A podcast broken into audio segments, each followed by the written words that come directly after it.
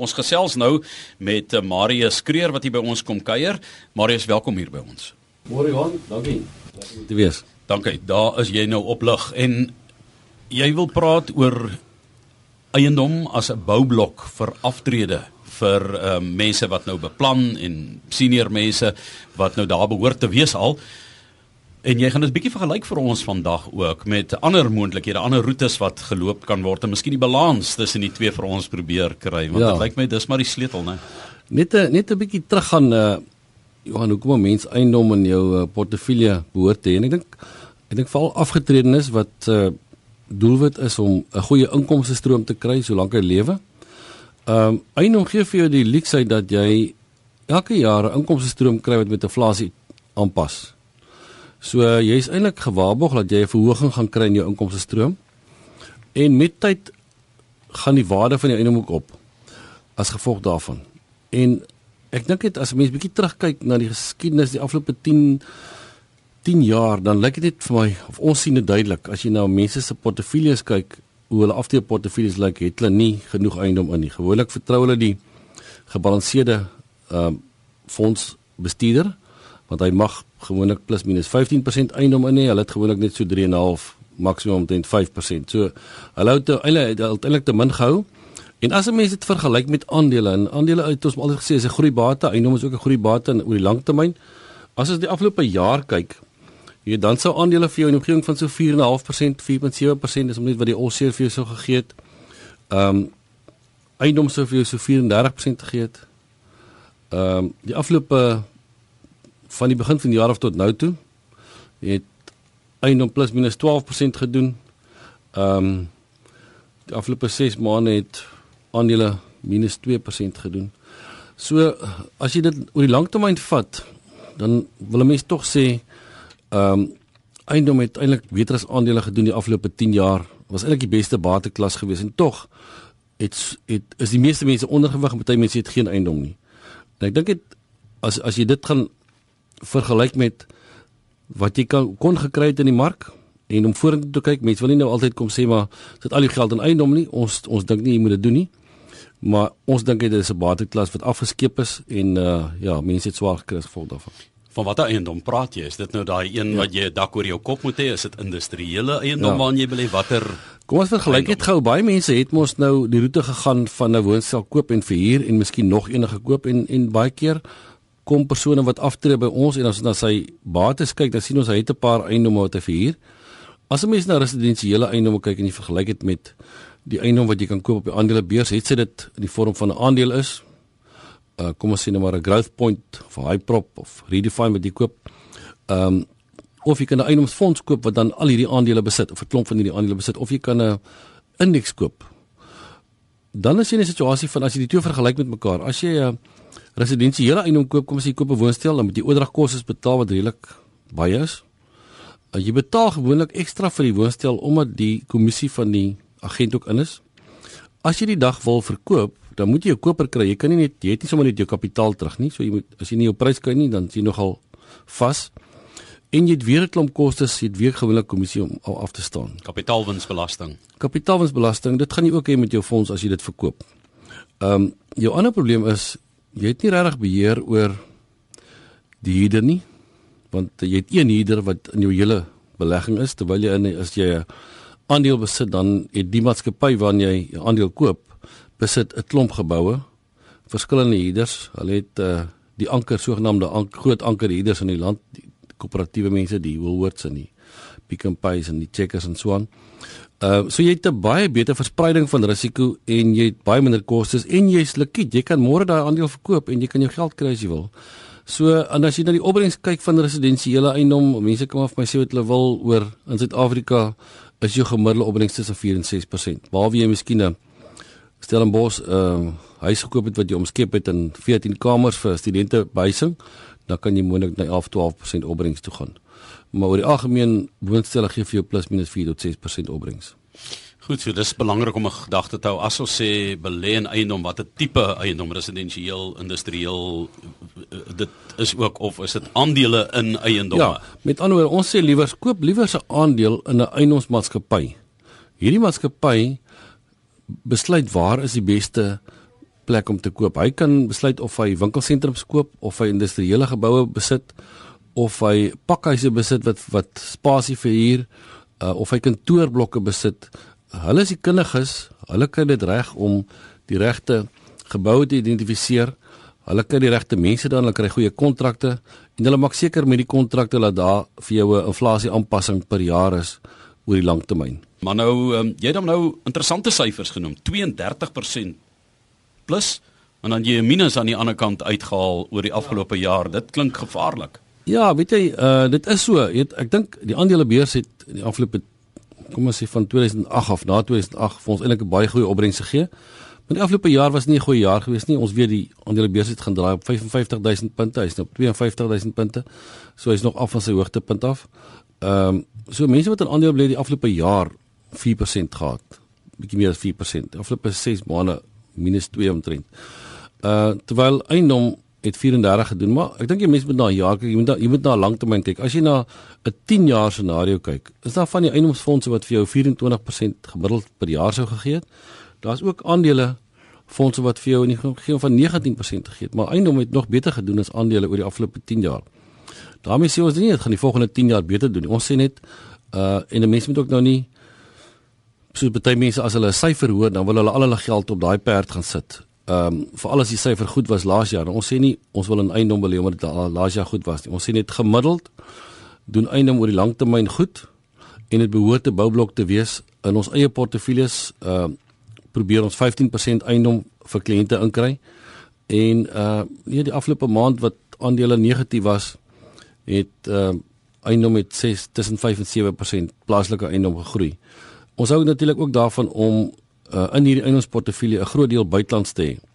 Want die buitelands sit jy in 'n situasie waar jy kom ons sê 'n 4 tot 5% uh inkomste stroom kan kry hier wat jy kan kry op daai op daai bate. Die rand verswak miskien met 6% as jy op 11 en nou jy nog kapitaalgroei van 5% dalk ook in daai bate. So dan is jy op 16% as jy langtermyn kyk. So ons hou baie van die van die buitelandse eiendom. Uh van dit het ook baie goed gedoen die afgelope tyd. So ons sien net dit as ons bietjie ehm um, kyk na hoe mense na hulle portefeuilles kyk, gaan mense baie keer en sê hulle goeie soek 'n goeie fonds om in te beleef, 'n goeie aandeel. Uh, terwyl hulle eintlik moet sê watter bateklas moet ons hê? Hulle moet ons eiendom hê, moet ons aandele hê, moet ons kontant hê, moet ons effekte hê. En dan iemand te kry wat vir jou kan help om die regte persentasie want dit is om die 80% van jou sukses van jou aftrede en eintlik van jou opbrengs doelwit wat jy gewoonlik het is of jy die bateallokasie reg het. Het jy die regte bates in jou portefeulje? As jy net aandele gehad het, het jy nou oor 'n tydperk goed gedoen, want jy nou vir jaar baie swak gedoen. As jy aandele en eiendom gehad het die afgelope 10 jaar, het jy baie beter gemiddelde opbrengs gehad. Jy sou baie beter rustiger geslaap het. Ehm um, dit beteken nie eiendom het nie risiko nie. Daar is ook risiko in eiendom. Wanneer rentekoerse opgaan, is is dit gewoonlik sleg vir eiendom. Uh oor die kort termyn, maar jy bly nog ten spyte van die feit dat jou aandeleprys val, van die eiendomsmaatskappy die gekoop het, bly dieselfde inkomste stroom kry en hy gaan met inflasie op opgaan. So vir die ou wat afgetree is, maak dit nie saak of die eiendomsprys op of af gaan nie. Hy soek die inkomste stroom wat bly groei en dis belangrik. Maar met tyd gaan die aandeel gaan die aandeleprys ook op. So dit is 'n dis net 'n komponent wat ons net voel afgetree is, uh, mis hulle portefeuilles. Hulle het nie genoeg daarvan nie. Ehm um, en dit maak hulle seer omdat hulle baie keer net op aandele staat maak of net op effekte of kontant ensovoorts. Ehm um, en dit is net 'n ook 'n uh, diversifikasie wat jy in jou portefeulje inbring wat eintlik oor die lang termyn jou risiko verlaag.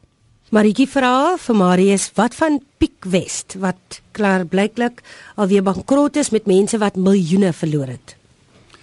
Ja, ek wil nie oor Piek West Piek West spesifiek praat nie, maar liewer oor die hele konsep van eiendomsindikasies wat en ek meen daar was 'n klomp gewees. Uh Shemex klomp ander Highveld, 'n klomp Unicap was 'n paar gewees wat ook ehm um, ondergegaan het. Uh weens het mense belê in 'n instrument wat nie op die beurs genoteer was nie.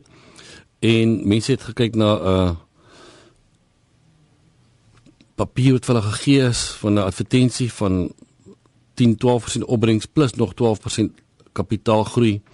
Ehm um, en die syfer het eintlik maar aangetrek om die geld aan te belê en hulle het nooit regtig geweet waar hulle belê nie. En baie van daai maatskappye het jy jou geld net in een een gebou belê. So hulle hoe hulle dit gedoen het, hulle het een gebou gevat en dat hulle na beleggers toe gaan en sê ons soek geld en dan belê net in daai gebou. As daai gebou nie werk nie, dan het jou geld ook nie gewerk nie. Dan het jy moeilikheid gehad. So en ongelukkig was die koste struktuur ook van hierdie goed uh maniere hoe hulle makelaars vergoed het wat dit verkoop het was heeltemal onrealisties geweest dit was nie volhoubaar nie.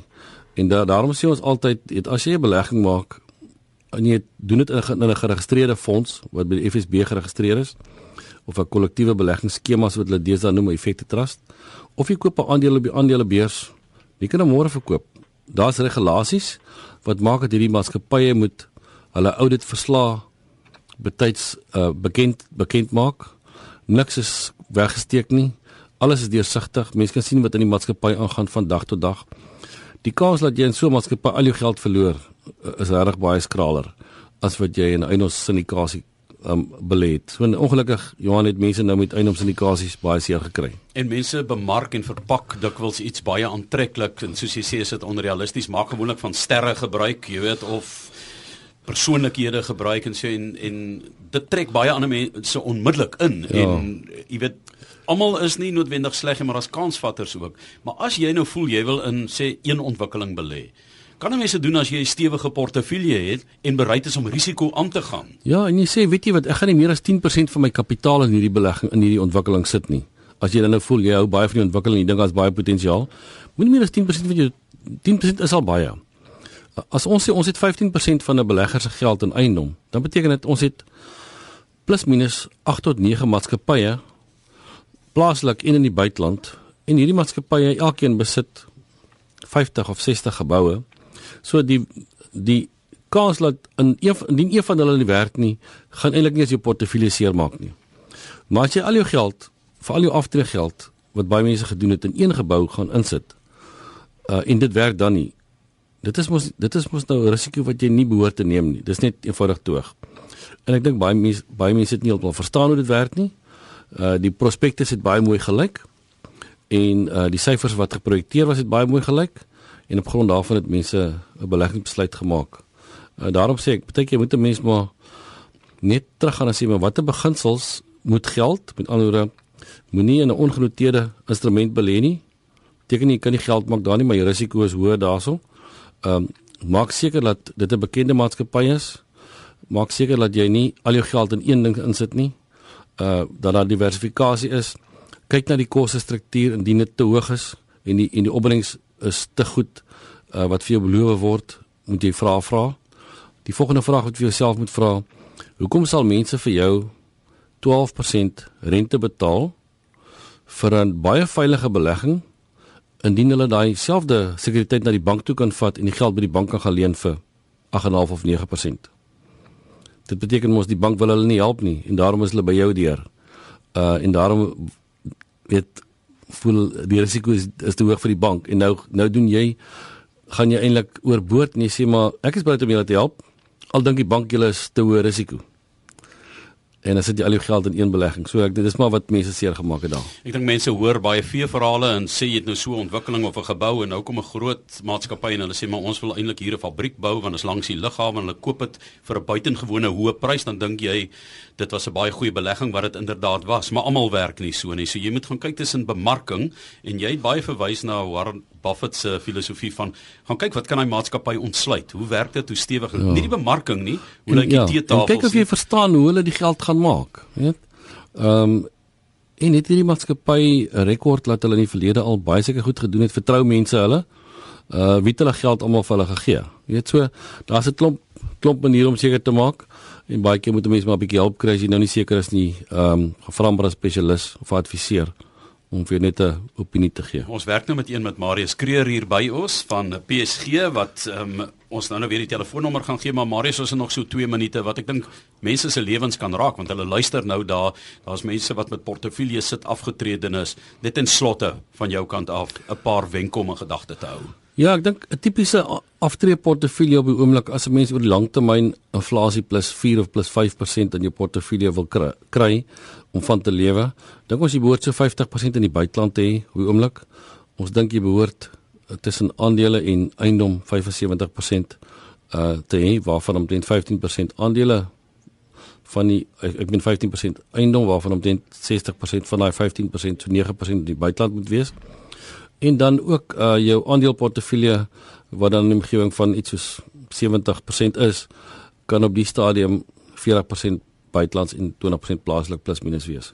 So dis maar hoe ons dink die portefeulje saamgestel behoort te word uh om dit reg te kry vorentoe om inflasie plus 4 inflasie plus 5% uh, te realiseer in jou aftreeportefeulje.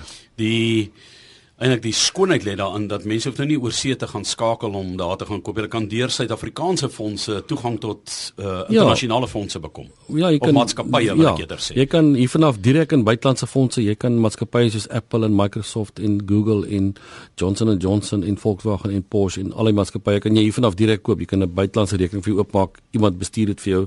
Uh, ons het mense in ons kantoor wat sulke portefeuilles bestuur. Uh, hoef nie ons te wees nie, maar jy kan dit direk buitelands doen. Jy kan vir jou net 'n indeks gaan koop van eiendom, byvoorbeeld as jy wil meer eiendom belê of 'n indeks van aandele. Daar's baie maniere om dit te doen. Uh, maar daar's ook kostes, koste elemente wat in ag geneem moet word. Daar's goedkoper en duurder maniere om dit te doen. En dit is Marius Kreer wat so sê Marius, hoe kan mense vir jou skakel?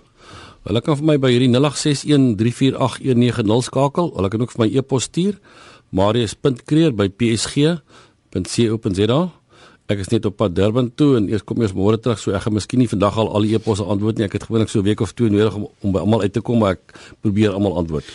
Die rugby is reeds verby in Durban, hoor. Jy het verkeerde naweek gekies. Dis hoe ek dis hoe ek liewers nou daar wil wees, nie Saterdag. Yes. So gee net weer daai e-posadres. marius.kreer by psg.co.za.